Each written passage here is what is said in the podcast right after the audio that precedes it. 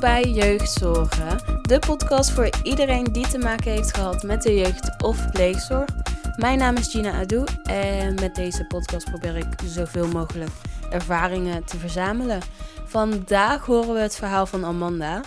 En ja, ik heb echt ontzettend genoten van dit gesprek. Ze had ook een vriend meegenomen, Henk. En ehm, gezamenlijk met z'n drieën hebben we op het eind nog een klein beetje uh, gepraat. Maar het is voornamelijk ook het verhaal van Amanda. Um, ja, ik heb niet echt super veel updates. Uh, naast dat je natuurlijk jeugdzorgen moet gaan volgen op Instagram. Daar krijg je wat extra's ook um, van de gasten nog te weten. En als je deze podcast leuk vindt, geef een review. Laat een review achter. En ja, dan uh, nu het verhaal van Amanda. Welkom Amanda bij Hallo, uh, Gina. Jeugdzorgen. Uh, leuk dat je er bent. We zitten hier vandaag uh, in mijn huis, op de, in de woonkamer. En uh, ja, je hebt trouwens ook iemand meegenomen. Die kunnen we misschien Henk? even snel voorstellen. Henk. Ja. Henk Stam, ja. wij, kennen elkaar al, wij kennen elkaar al een aantal jaartjes. Sinds Marcus klein is, hè, die is net ja. zo oud. Wat ik zei, mijn zoon is eigenlijk net zo oud als jij, nou 23. Ja, en, uh, en uh, we hebben heel veel uh, gekletst. En we, zijn, we zijn, we zijn Hij hoort vrienden. gewoon... We zijn goede vrienden geworden. Hele goede vrienden. Leuk. Dus, ja, zoals ik zeg, hij hoort, hij hoort bij de familie. Hè. Tien jaar geleden werd mijn dochter geboren en toen zou hij er eigenlijk bij zijn, maar zo goede vrienden zijn we eigenlijk. Ja, hij nice. zou bij de bevalling zijn en uh, hij was te laat net. Dus, dus uh, ik had uh, de, de, de, kleine dochter, denk een uurtje of vier later in mijn armen. Nou. Dus, was mooi. Dus familie, hè? we zijn eigenlijk ja, zeg maar familie. Ja, leuk. Leuk dat je er ook mee bent. maar vandaag gaan we naar jouw verhaal luisteren, Amanda. Zou je mm. kort willen voorstellen? Uh, naam, leeftijd, wat vind je leuk om te doen? Uh, ik ben uh, Amanda, ik ben 48 jaar. ik werk als caregiver, dus ja, de mantelzorgtaak voor mensen overnemen. Dat ik een paar uur met mensen oh, in huis nice. zit die verzorging nodig hebben. Of gewoon gezelligheid, activiteiten. Ik heb twee kinderen, Marcus en Celine. Ja, 23 en mm -hmm. 10 jaar. ik ben heel creatief. Dat wist je al, spiritueel. Yeah. Ja. Het is uh, niet echt een hobby, dat ze dan meer een zijn, maar... mm -hmm. ja, ja, kan je... Want um, hoe ziet dat dan eruit, dat zijn in, in het spirituele? Uh, bij mij is dat in ceremonies, eren. Gewoon als ik bij mensen werk of in, gewoon in een gedachte al, eigenlijk. als je gewoon ergens loopt of zo, hè, dan, mm -hmm. hè, dan een goede gedachte bepaalde gedachten hebt of uit je onderbuik leven. Hè? Ah, oké. Okay. Een bepaalde richting ingaan. Mm -hmm. Gewoon wat je zelf bent, je spirit. Hè? Ja, ja ik, ik ben daar nog zelf niet echt uh, super mee bekend. Mm. Um, ik denk dat, ja, enige spirituele wat ik zelf tegenkom dan op social media, dat is dan vooral ook uh, met uh, edelstenen en zo en dat soort energie. Nee, voor mij is spirituele had ik al toen yeah. ik heel klein was. Ik mm -hmm. denk dat er be je bepaalde, ja, je eigen spirit, precies zoals ik het zeg. Jij mm -hmm. hebt ook van alles meegemaakt natuurlijk. Spirituele zit niet in de steentjes, het zit niet eens in die ceremonies. Ik vind het mooi om dat te doen, maar daar zit het niet. Het zit in je eigen. Ah. Dat je dankbaar bent voor iets ook. Of, of dat je, hè, Mm -hmm. Zeker als wij, uh, ja, als je van alles meemaakt. Hè, de ene leven is die kant en die kant. Maar dat je ziet van, hé, hey, hier wordt toch iets gestuurd. Dat wist ik al van kleins ah, af aan. Ik denk dat het ja, toch vooral in jezelf zit. En dan alles om je heen wat, uh, wat het stuurt of zo. Mm -hmm. Nee, nee, dat, dat merk ik ook wel dat, inderdaad. Dat is het spirituele voor mij. Mooi.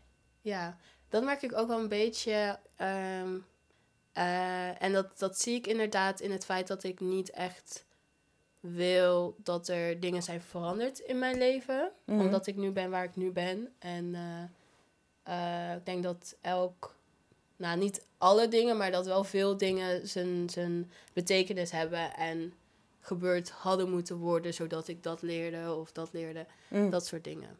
Dat, eh, dat merk ik in mezelf dan, zeg maar. Ja, dat. Ja, Drijfveer. Ja. Ja. ja. Je innerlijke krachten. ja. Maar wat mooi werk dat je ook doet. Ja. Ja. En ehm, wat vind je, waar haal je nog meer energie uit? ja, dat is het. Mijn vriendschappen dan inderdaad. De mensen om me heen. En die gaan toch wel altijd heel erg diep. Dus gewoon echt Mhm. eh, ja. Ja. in de Mooi. natuur zijn heel veel. Dat doe ik wel elke dag. Ik maak al elke dag gewoon... eh, dat ik gewoon even buiten ben en alleen. Mhm. Ja, en ik ook kijken al van kleins af aan. Dat is ook een drijfveer. Ja, dat is ook spiritualiteit, denk ik. Voel ik. Nice. ja. Ja. En jij? Ik vind het leuk. Ik ben best wel een eh, homebody, meestal. Dus Mm. ik blijf vaak thuis wel. Maar ik merk ook inderdaad als ik naar buiten ga. En nu heb ik de kans dan om eh, binnen vijf minuten op het strand te zijn. Mhm. Dus eh, ja, dat is ook wel echt mooi. Maar ik hou vooral van lezen. En dan fantasybooks vind ik wel leuk. En eh, ja, podcast luisteren vind ik ook heel leuk. Lekker je En- eigen wereldje. Ja, ja, mijn eigen wereldje inderdaad. En dan in mijn eigen, eigen wereldje op zoek gaan naar allerlei verschillende werelden. En, Connectie. ja. eh, ehm, eh, bijvoorbeeld, ik vind het heel interessant om in een hele andere samenleving te duiken. En hoe ze daar praten, waar het daarover zit. Dus, maar echt, heel, kan heel random zijn. Het kan over dansen gaan, een danswereld, eh, ballet of zo. Maar ook bijvoorbeeld nu de eh, inf- ja, infertility community. Mhm. En eh, hoe dat allemaal zit. Dus ja, en dan ga ik daar dan podcast van luisteren. Of dan kijk ik naar Instagram accounts. Weet je Mm. wel, dat, ook een beetje Mm. dat onderzoeken. En dat, ah, hoe zit dat? Ehm, ja, dat.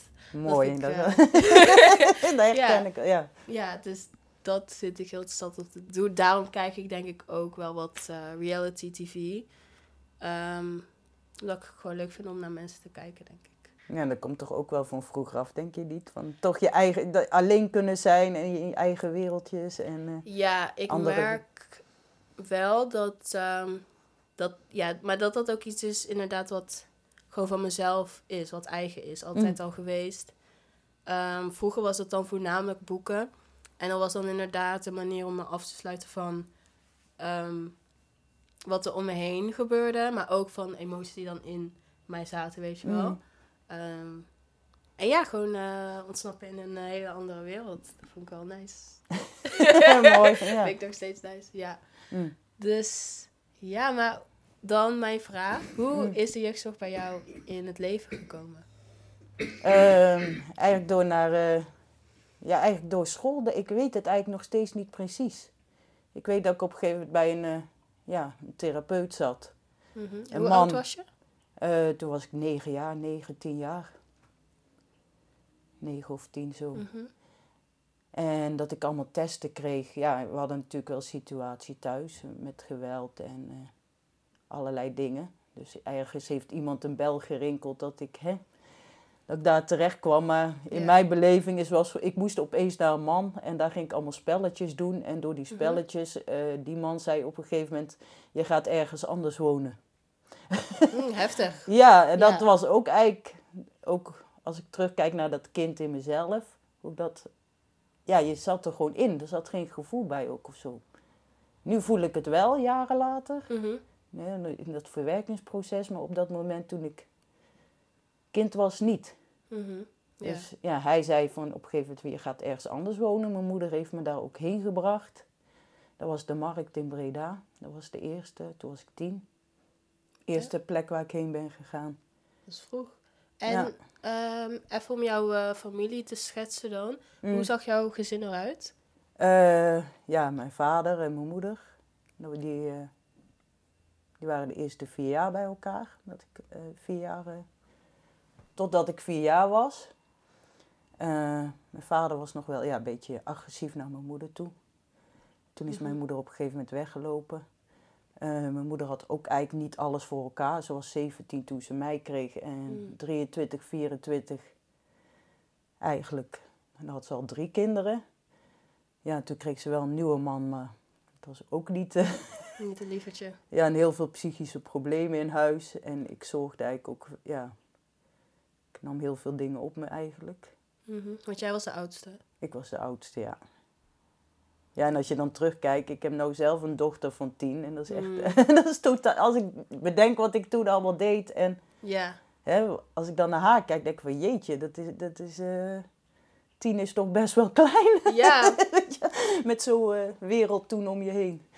precies. Ja. Ja. Wat je zelf ook inderdaad zei daarnet, van als kind dan zit je er gewoon in en dan voel je daar nog niet echt bij. Dat is ook gewoon een beetje jouw normale. Ja, En alles gebeurt gewoon, hè. Ja. Dat, dat zei jij net toen ook, hè. Ja. Dat, eh, Het, het is gewoon zo. En als je er dan inderdaad op terugkijkt, dan, eh I don't know, dat triggert dan enorm veel. Of dat, dat, dan zie je pas echt hoe jong je was, maar hoe jong jij toen op dat moment niet was. Omdat jij al met ja, heel veel andere dingen te maken had natuurlijk. mm, Ja, ik zie dat inderdaad ook in mezelf als ik kinderen zie van drie. Ehm, want op die leeftijd werd ik uit huis geplaatst. En dan zie ik van, oh wauw. Want ik denk dat ik vanaf dat moment me soort van wel alleen voelde in de wereld. mm. Van, ehm, ja, ik kan alleen op mezelf vertrouwen nu. Dan denk ik, wauw, dat is wel jong. Drie is echt heel jong, ja. Dat Ja. ben je helemaal niet, hè. Ja, precies. Maar, oké. Ehm, dus, jij was heb de je het als oudste? prettig ervaren, die, je pleeggezin, of niet? Nee, Helemaal niet. nee. Dus, eh, Dat is wel verdrietig inderdaad, ja. Ja, daarom... Want het punt was, het, ik was natuurlijk niet alleen. Ik had altijd mensen om me heen die me verzorgden. Maar ik denk dat meer dat gevoel van eenzaamheid echt wel was dat ik dus ehm, van mijn moeder weggehaald was. En ehm, dat zeiden ze ook, dat ik op driejarige leeftijd ook best wel ook veel zelf kon, zeg maar. Mm. Ehm, dus veten strikken, dit, dat. En eh, ook met gesprekken met mijn moeder later. Eh, want als ik daar dan ben, dan inderdaad merk ik wel een beetje dat ik zo verzorgende ben. Of meer, eh, ja, ik ben niet haar kind, zeg maar. Jij, bent het, jij bent de moeder. Ja, en, en dat zei ze toen. En toen zei ze ook van, ja, zo was je vroeger ook. Zo een beetje zo beschuldigend. En ik denk van, Wie heeft mij zo gemaakt? Ja, precies. Als driejarig kind denk ik niet dat ik de macht heb om even zo te zeggen. Dus Ja. eh, wie wat moet doen. Dus dat is wel zo ge- ja, ge- gecreëerd. Weet je wel. Ehm, dus ja, nee, ik had het niet eh, zo fijn. Maar hoe ervaarde jij het dan thuis? Want je zei dat je veel op jezelf moest nemen. Hoe ervaarde je dat? Ja, ik had net zoals eh, jij net vertelde, ik had een hele eigen wereld. En ik was ja, buiten. Mhm. Maar ik zat ook heel veel op mijn kamertje, tekenen, schrijven. Ik denk dat ik al heel snel de, de- gewoon dat bubbeltje om me heen had. gewoon zolang ik me herinner heb ik dat eh, bubbeltje om me heen. En in dat bubbeltje, ja, daar, daar is het toch wel prettig of zo. En ik heb, wel eens, ik heb wel eens eens een ceremonie gedaan. En toen moesten met eh, een hele groep moest je terug naar een plek. Dat je dacht van, daar wilde ik zelfmoord plegen. En ik heb Mm. nooit zo'n plek gehad waar ik zelf Oh, of waar ik dood fijn. wilde. En dan denk ik van, ik heb best wel ja, agressiviteit, drugsgebruik door familieleden, eh, van alles gezien Mhm. wat een kind niet hoort te zien. Maar toch altijd eh, met mezelf wel goed of zo. Heel raar.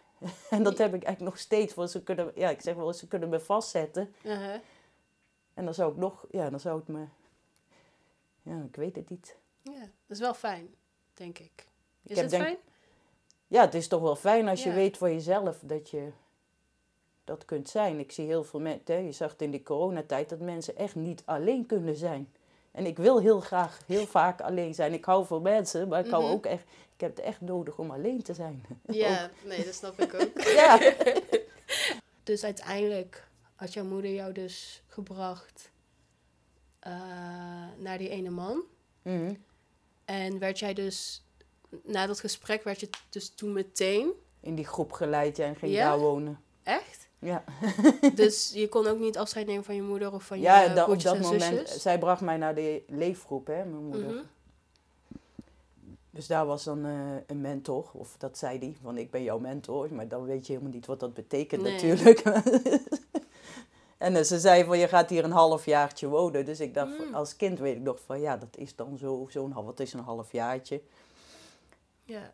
Ja, en toen werd ik naar binnen geleid en dan gebeurt het gewoon. En ik weet dat ik s'avonds zat ik met andere kinderen en dan zaten we in het bos te spelen, want het was in een heel groot bos.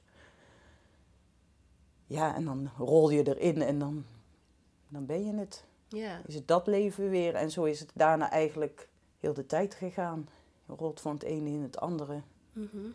En dan, eh, ik ben op een gegeven moment ook in een leefgroep in Den Bosch beland. En ja, dat ik drie keer verhuisd. In verschillende groepen.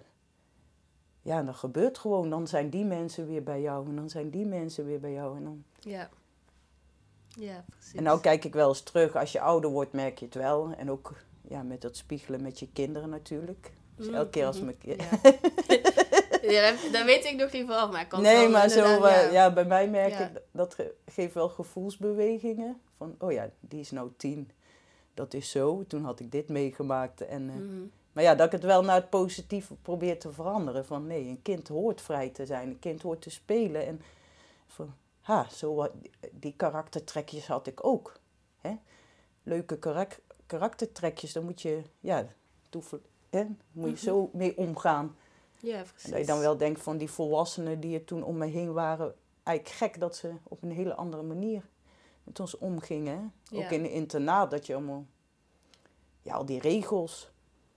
Eigenlijk, eh, hè, ze zeggen je moet kinderen geen hersenstoornis geven. Als ik terugdenk nu als volwassene, Uh-huh.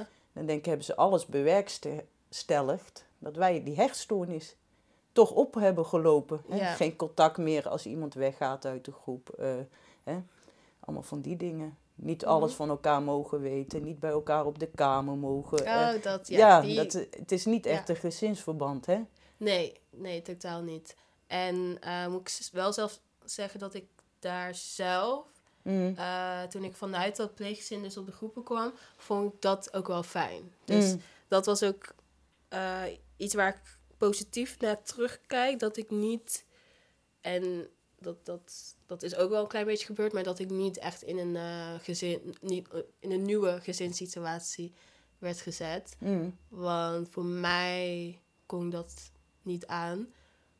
Maar ja, ik was ook 13, bijna 14. Ehm, en ja, jij was 10. En inderdaad, op, op een groep word je inderdaad een beetje zo apart van elkaar gehouden. Eh, ik denk met het idee van... eh, zo- ontstaan er zo min mogelijk ruzies of problemen of zoiets. Hoe kijk jij daarnaar? Ja, ik weet wel dat het toen zo gedacht werd. Maar als ik dan terugkijk naar de, wat juiste is. Ja. Hè? Van wij zijn, het zijn dan mensen die be- kinderen die beschadigd zijn eigenlijk. Het moet zo, ja, eigenlijk gewoon normaal gaan. Hè? het is niet helemaal normaal, maar het moet wel Ja. normaal gaan. Van, hè, je, als je met mensen samenwoont, dan, dan moet je contact kunnen leggen. Je moet verbinding kunnen maken. Moeten, hè, niet die regels van jullie mogen niet samen naar buiten. Of jullie mogen Mhm. niet... Ja. En ik heb dat ook al als warm ervaren. Hoor, want ik heb heel eventjes tussendoor nog thuis gewoond. Dat ging toen heel, echt ja, helemaal mis. Mhm. En toen hebben ze ook aan mij gezegd van wil je in een pleeggezin of wil je in een leefgroep? En toen zei ik ook van ik wil niet... eh, ik wil in een leefgroep. Dus ik heb heel veel, ja, ik heb vriendschappen die, daar blijf je herinneren, gewoon die sterke band. Je bent toch, ja, wat zo ik zei, mooi. familie of zo. Hè. Ja, dat is inderdaad mooi iets dat je zegt, inderdaad. Van je woont samen, dus je moet ook leren samen te leven. En dat moet je stimuleren en niet zo eh, elkaar apart willen houden. Want op dat soort plekken zijn er juist enorm veel mensen die jou juist zouden moeten begrijpen. Eh, omdat ze soortgelijke dingen hebben meegemaakt. En dan denk ik ook weer terug aan de tijden dat ik daar woonde en dan kwam er iemand en dan had je absoluut geen idee eh, van eh, waarom die er was. En dan wist je dan soms wel van, ah, die heeft een beetje contact met eh, zijn familie of eh, daar gaat het dan niet meer goed mee. Maar je wist niet echt hoe en wat. En dat, ja, zou wel heel veel schelen als dat meer gestimuleerd werd. En natuurlijk konden jongeren dat zelf doen. En ik liep dat een beetje, denk ik, uit de weg. Mm. Ehm, dus jongeren doen dat op zich ook wel, maar het wordt inderdaad niet echt gestimuleerd vanuit de, de structuur van leefgroepen, inderdaad. Maar je hebt dus wel sterke banden opgebouwd die je nu nog steeds hebt. Ehm, ik heb ze niet meer, oh, maar wel het gevoel van wat de groep kan zijn. ja. Dat, dat, gevoel heb ik er wel uit. eh. Ik ja. heb met eh, één meisje nog echt contact. Ja, dat is nou ook alweer een jaar geleden, maar zo tussendoor hebben we wel contact. En dat, ja, dan blijf je toch datzelfde warme gevoel houden, ja. Ja, mooi. dat is wel mooi. Ik had ook een stukje gelezen op je Instagram over dat jullie dan samen door de eh, stad liepen. Mm. Als één groep, als één familie. Mm. En dan voel je je heel sterk en één en ergens bij horen. En dat kan ik dan nog wel inderdaad herinneren. Dat je Van, dat eh, had, ja. Ja, ook ondanks dat ik dan nooit echt hele sterke individuele bonden had. Ehm, ja, brengt. eh, als ik dan terugkijk op de groep, dan brengt dat wel weer. I don't know. Een soort van nice gevoel op. Dat merk ik ook als ik dan soms afspreek met eh, oud-jongeren. Mm. En eh, die hebben dan ook weer vrienden van andere verschillende groepen. En die heb ik dan zelf nog nooit ontmoet. Mm. Maar er is meteen alweer zo'n connectie. Van, ja. ah, je hebt op groep geleefd, weet je wel. Ik weet een beetje hoe en wat. Mm. Ehm, dat, dat klikt dan Mm. heel snel. Ja, Onzichtbare taal is dat, ja. ja precies. En verder? Bij, ehm, eh, want je had verteld over, ehm, ja, dus dat je daar op groepen woont en dat je ook een keer een paar keer bent verhuisd. Mm. Ehm, dus ja, kan je vertellen hoe dat ging dan eigenlijk vanaf jouw tiende? Hoe die reis zo is gelopen? Eh, ik heb toen, ja, dat half jaar, dat werd 2,5 jaar. Hm? Mhm. Eh, dan weet ik wel dat een hele fijne, ja, toen was ik eigenlijk een stukje kleiner natuurlijk ook. Nou, dat was spelen in de bossen, eh, heel afgeschermde wereld eigenlijk. Dat was een internaat in de bossen. Die school zat ook bij het internaat. Dus daar gingen we dan ook heen. En eigenlijk de rest, ja, dat, dat is je leven. Mhm. En dat hebben, ja. Je leeft eigenlijk ook niet meer volwassenen, want die wisselen altijd. Weet je wel, de, ja, die is op vakantie en eh, voor hun was het het werk natuurlijk. Eh, de eerste internaat was wel, als ik terugkijk, met de kinderen heel fijn. Mhm. Maar het was ook een beetje raar. We hadden ook een nachtwacht. Ook in die andere groep in Den Bosch heb ik dat niet gehad. Dus dan werden we s'nachts echt op slot gedraaid. Ah, En dan ging de groepsleiding weg. En als er dan iets was, dan moest je door zo intercom praten. En van nachtwacht, nachtwacht. En ik zat op unit B. Dus dan zei ik unit B, kamer 1. Ja, dan hoorde je op een gegeven moment de uh-huh. sleutel in de slot. En dan de deur open gaan. En dan eh, ik kan niet slapen of ik kan niet dit, hè, wat je als kind hebt. Ja, dus eh, als je daarop terugkijkt, zijn het toch wel vreemde dingen, ja.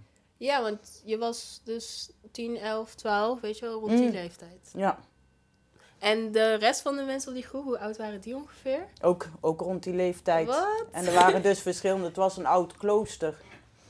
En dan had je verschillende groepen. Ik Mhm. zat dus in eh, ja, ja, groep A, de kleinste, B, de, hè, tot groep E.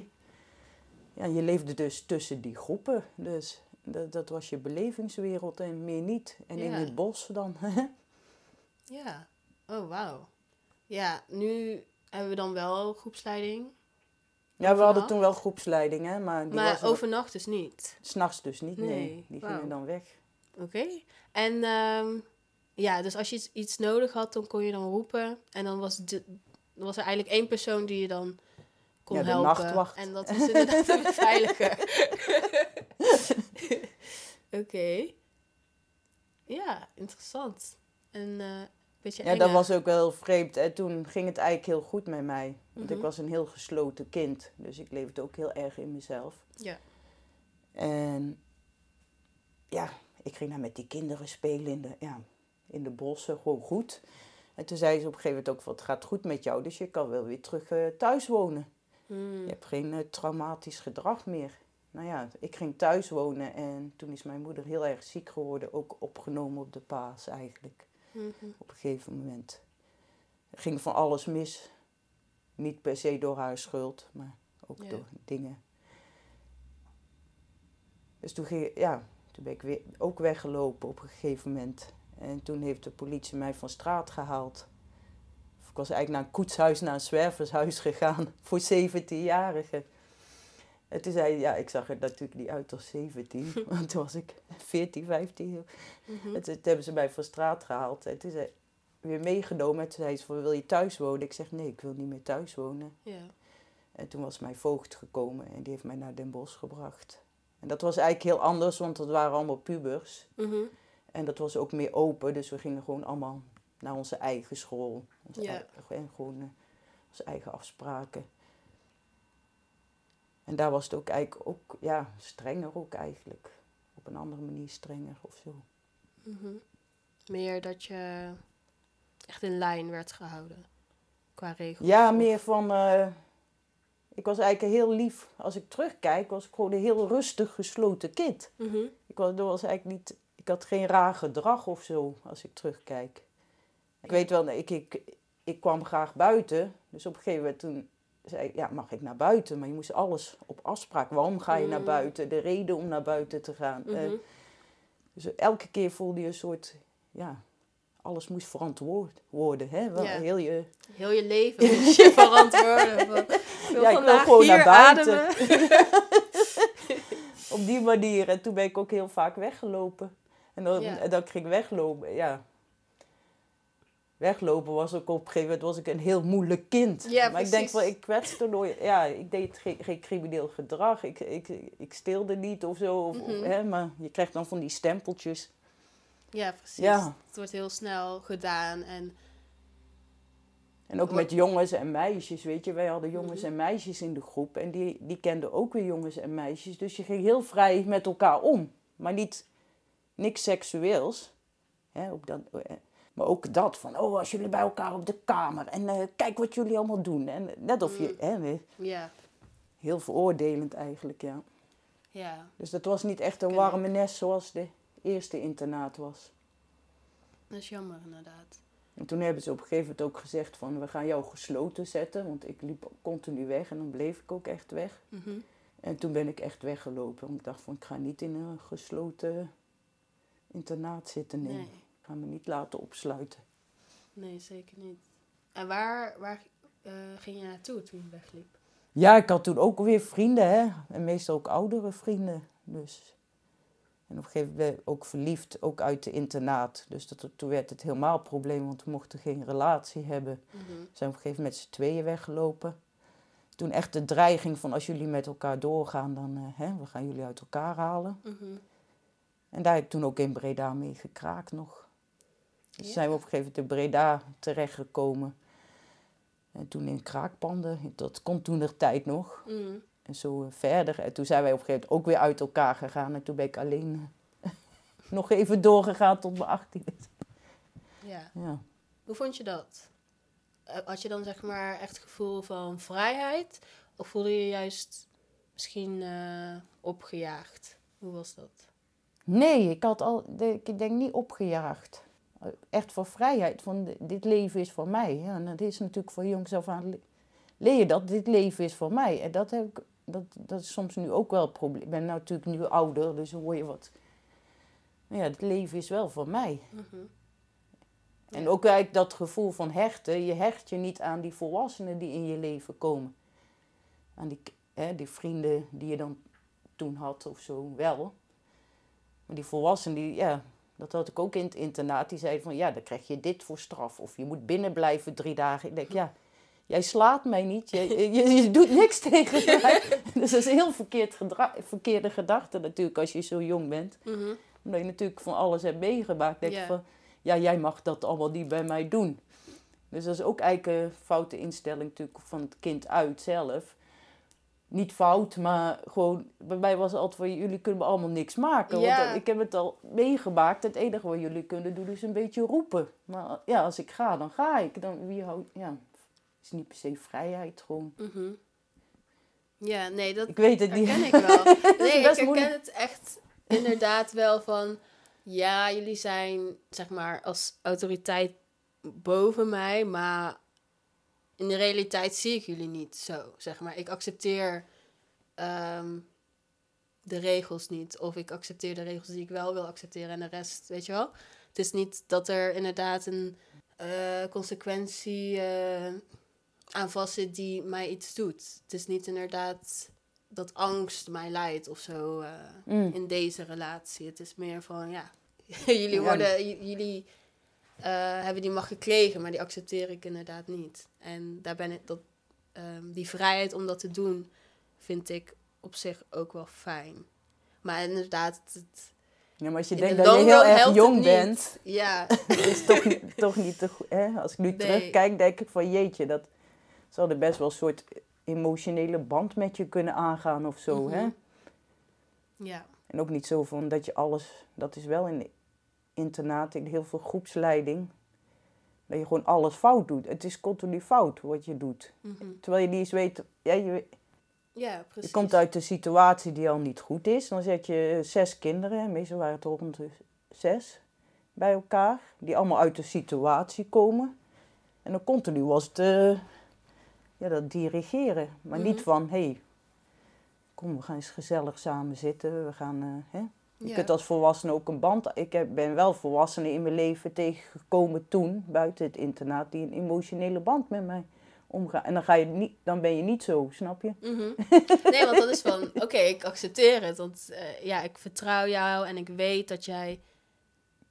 Of ja, ik weet, ik verwacht dat jij het juist eh, voor mijn oog hebt. Ook al ben ik met sommige dingen niet mee eens. Mm. En dan ben je inderdaad sneller... ehm, dan accepteer je dingen sneller dan iemand waarmee je geen band mee hebt. Die zegt dat je dingen wilt, moet doen die je niet wilt doen. En dan is het ook makkelijker om daar nee tegen te zeggen. Ja, of jou maakt wat je niet bent, hè? Dus Ja. als ik dan een uurtje buiten ging wandelen en dan... Ja, wat heb je gedaan? Heb je eh, gebloot? Heb je dit? Heb je, je bent meteen, hè? Mhm. Allemaal gewoon totaal niet in de wereld kijken van... eh. En als ik dan later mensen terughoor... Ik heb later heel veel mensen ontmoet met wie ik toen heb samengewoond. Als ik die verhalen van hun terughoor, dan denk ik Mhm. ook van jeetje, ja... Het is wel echt zo gebeurd allemaal. Van, hun hadden dat ook. Ja. ook. En jij vertelt nu ook, je hebt in een andere groep gezeten, maar je hebt dat ook zo ervaren. Ja. Dat je niet Want- met de begeleiding... eh, ja, het echt begeleiding is dan. Ja, en met sommigen had ik, of ehm, denk dat ik sowieso met alle leidingen gewoon wel op een neutraal niveau zat. Maar dat was omdat ik ook niet veel mensen inliet. Mm. En ik, ja, ik was ook best wel stil, zat veel in mijn kamer. Eh, vooral veel lezen en eh, studeren. Dus in hun ogen was ik ook niet echt een probleem. Want ze zagen me ook niet vaak, weet je wel. Mm. Dus ik denk wel dat, dat de leidingen die ik heb meegemaakt wel soms probeerden ook wel een band eh, te scheppen. Maar eh, dat lukt dus vaak ook niet, omdat ze inderdaad niet in de leefwereld gingen van de jongeren. Mm. Dus inderdaad ook vaak boos werden of bekritiseren van dingen waarvan ik dus dacht van, maar het is toch best logisch dat hij zo reageert of dat zij zo nu reageert. Zie je dat niet, zeg maar? Is Ja. dat, we zitten in compleet andere werelden. Maar ja, waars- ja, waarschijnlijk wel. Maar ja, hun komen wel in jouw woonwereld, want het is jouw thuis. Ja. Het is jouw, hè? Jij Mhm. woont daar. Dat, is, dat blijft toch wel een raar gegeven, ja. Ja. Maar want eh, ik ben even slecht met rekenen. Hoe, in welk jaar was dat eh, toen je voor het eerst op die groepen kwam te zitten? Ehm, even kijken. Ik was 1985. Oh, wauw. Ja, Ja. Ik ben uit 1975, dus... Ja. Ja, en ik dan 2014 inderdaad. Ja, wel grappig hoe... hoe Dat dat niet verandert Ja, eigenlijk. is eigenlijk wel triest. Toch? Ja, dat er 30 jaar later eigenlijk Ja. hetzelfde soort systeem is of zo. ja, ja, dan nu wel hebben we eh, eh, de groepsleiding met nachtdienst. Mm, En eigenlijk altijd twee groepsleiding op een groep. mm. eh, was het ding. Ja, ik eh, ben echt nog steeds verbaasd dat er gewoon niemand was daar in de nacht. Behalve dan die nachtbewaker. Oh, bij jou ook niet? Was er niemand? Nee, nee, nee. Bij, dan heb ik het nu over... eh, Het eerste internaat, ja. Ja. ja. Lijkt me ook heel... eh, het woord dat ik op probeer te komen... Lijkt me ook heel bang dat je daar dan zo soort van alleen zit. Of zo verlaten zit en de deur zit op slot. Nee, dat heb ik ook nooit gehad. Nee? dat is ja, dat is juist raar. Mhm. Ik weet ook dat toen ik daar wegging, toen ik op een gegeven moment dus weer met mijn moeder meeging, ik had echt verdriet dat ik daar weg moest. Mm. Ja, dat kan ik wel. eh, Echt verdriet. Ik was gewoon blij dat, dat ik daarna naar die tweede leefgroep in Den Bosch mocht gaan. Ik Mhm. was zo opgelukt dat ik, oh, dat wordt hetzelfde als die eerste weer. ah, het ja. was iets anders, maar ja, Mhm. gewoon, Ja. ja, ik weet niet. Nee, dat was voor mij die eerste internaat was eigenlijk toch wel een hele, ook een hele warme plek toch wel. ja, dat is fijn. Ja. Ook En dan, nu kijk ik wel terug, of als je dat inderdaad, hè, ik heb toen dat verhaal geschreven en ook aan jou laten lezen, Henk. Dat hij zat te huilen gewoon van, Mm. eh, jeetje, heb je dat als kind meegemaakt? Maar ik voel niet als iets dat ik heb mee, omdat ik, ja, het gevoel van die tijd is gewoon warm. Mhm. Plus het gevoel, eh, want ik werd er heel verdrietig van, van het verhaal wat zij opgeschreven had. Omdat ik weer een hele tijd later na haar in eenzelfde soort situatie, ander soort situatie, maar diezelfde, ja misschien een soort kilheid ervaar waar je niks mee kan. Het In is- zo'n groep, ja. ja, het, het was herkenbaar wat zij had opgeschreven en dat raakte mij. Eh, terwijl ik het een, een, een, een, een- eenzelfde soort dingen la, heel veel later had meegemaakt. En dan is het inderdaad weer hetzelfde verhaal van waarom gaan er geen ogen open? Ja.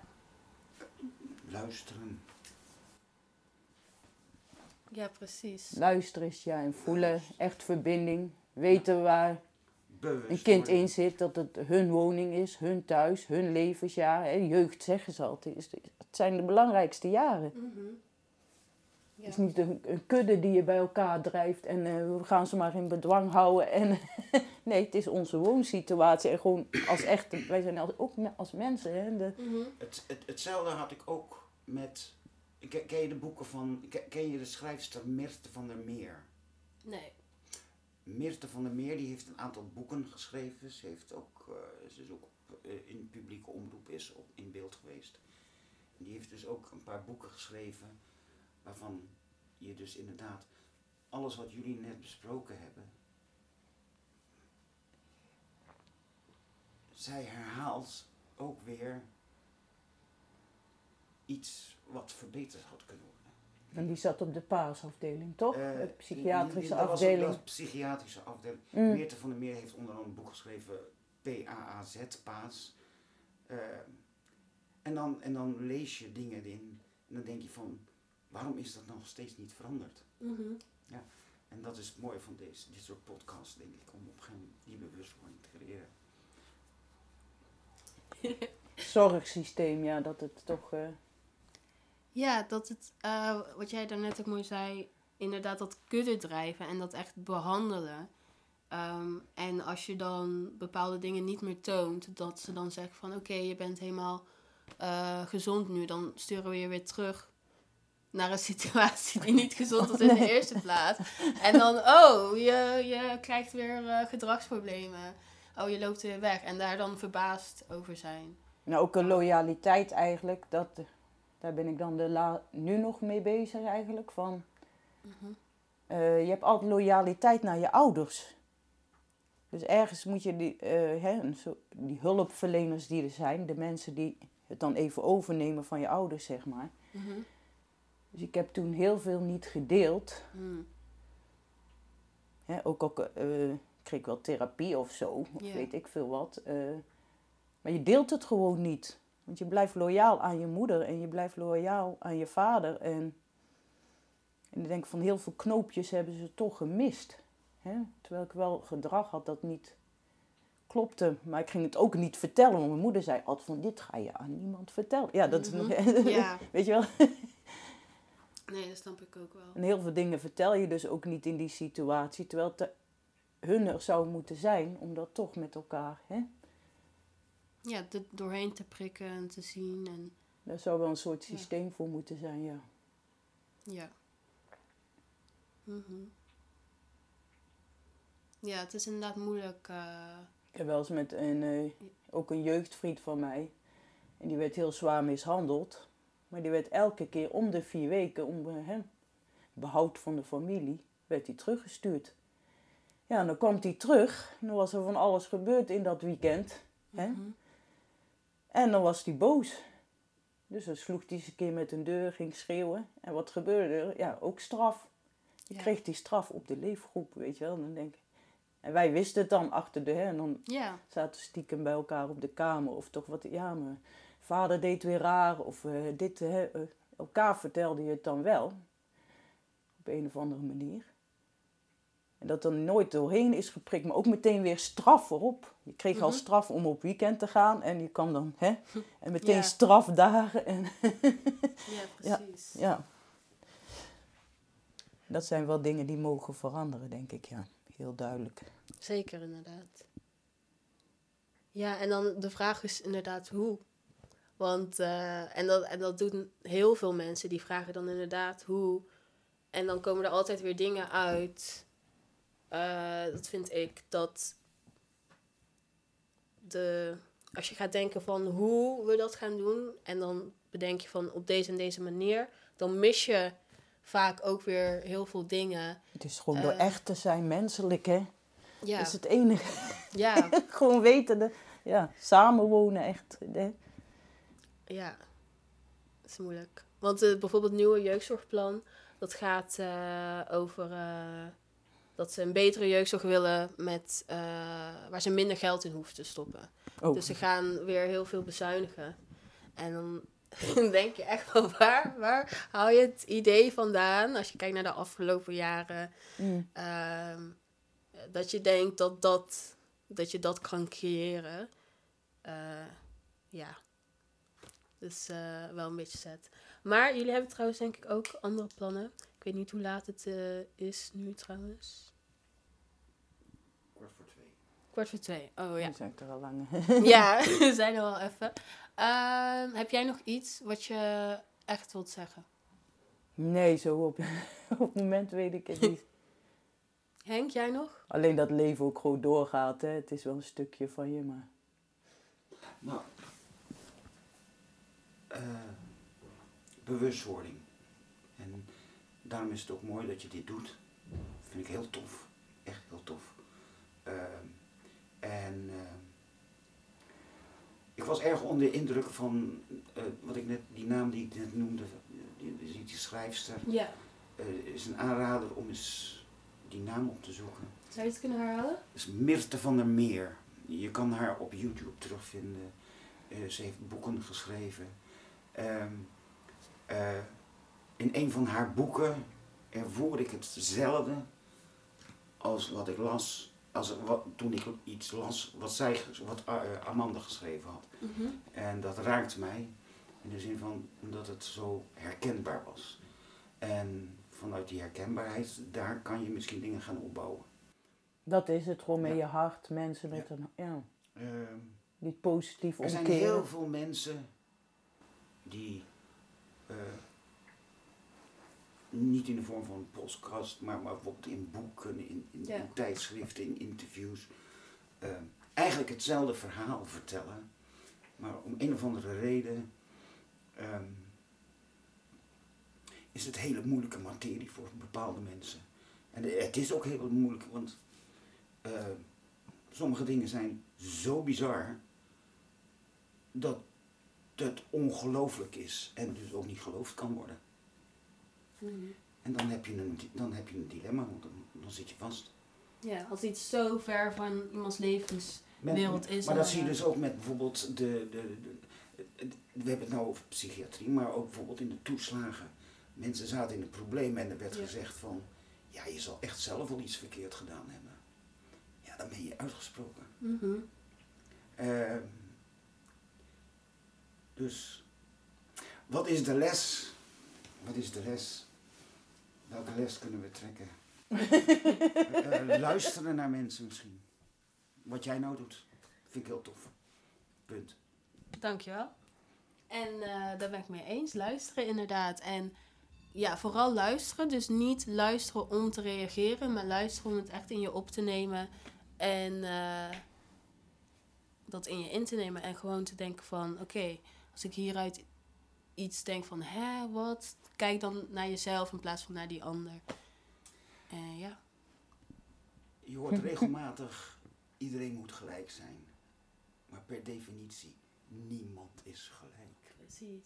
Dan kan je, verra- dan kan je verrassingen krijgen. Als iemand, niemand is gelijk. Nou, dat vind ik een mooie afsluiter. Ik vond Ja. het een ontzettend fijn gesprek met jullie twee. Eh, en eh dankjewel voor het delen van jouw verhaal, Amanda. Jij ook bedankt voor het delen van jouw stukje. Hè? Ja. en ja, wel eh, wat je ook zegt, het leven gaat door. Heb je dan ook nog een ehm, advies voor jongeren die nu in de groep zitten? Ja, gewoon blijven doen. Geloven, ja. Je, je maakt heel veel mee, maar eigenlijk is dat ook je kracht. Alles neem je mee de- naar de toekomst. Hè? En in de toekomst, ja, dan, dat, heb je al, dat is je innerlijke kracht. Dat is het belangrijkste. En gewoon de liefde zijn, dus spiegelen, maar omgekeerd spiegelen. Ja. Ja. Nice, dankjewel. Ehm dan sluit ik me hierbij af. Tot de volgende keer.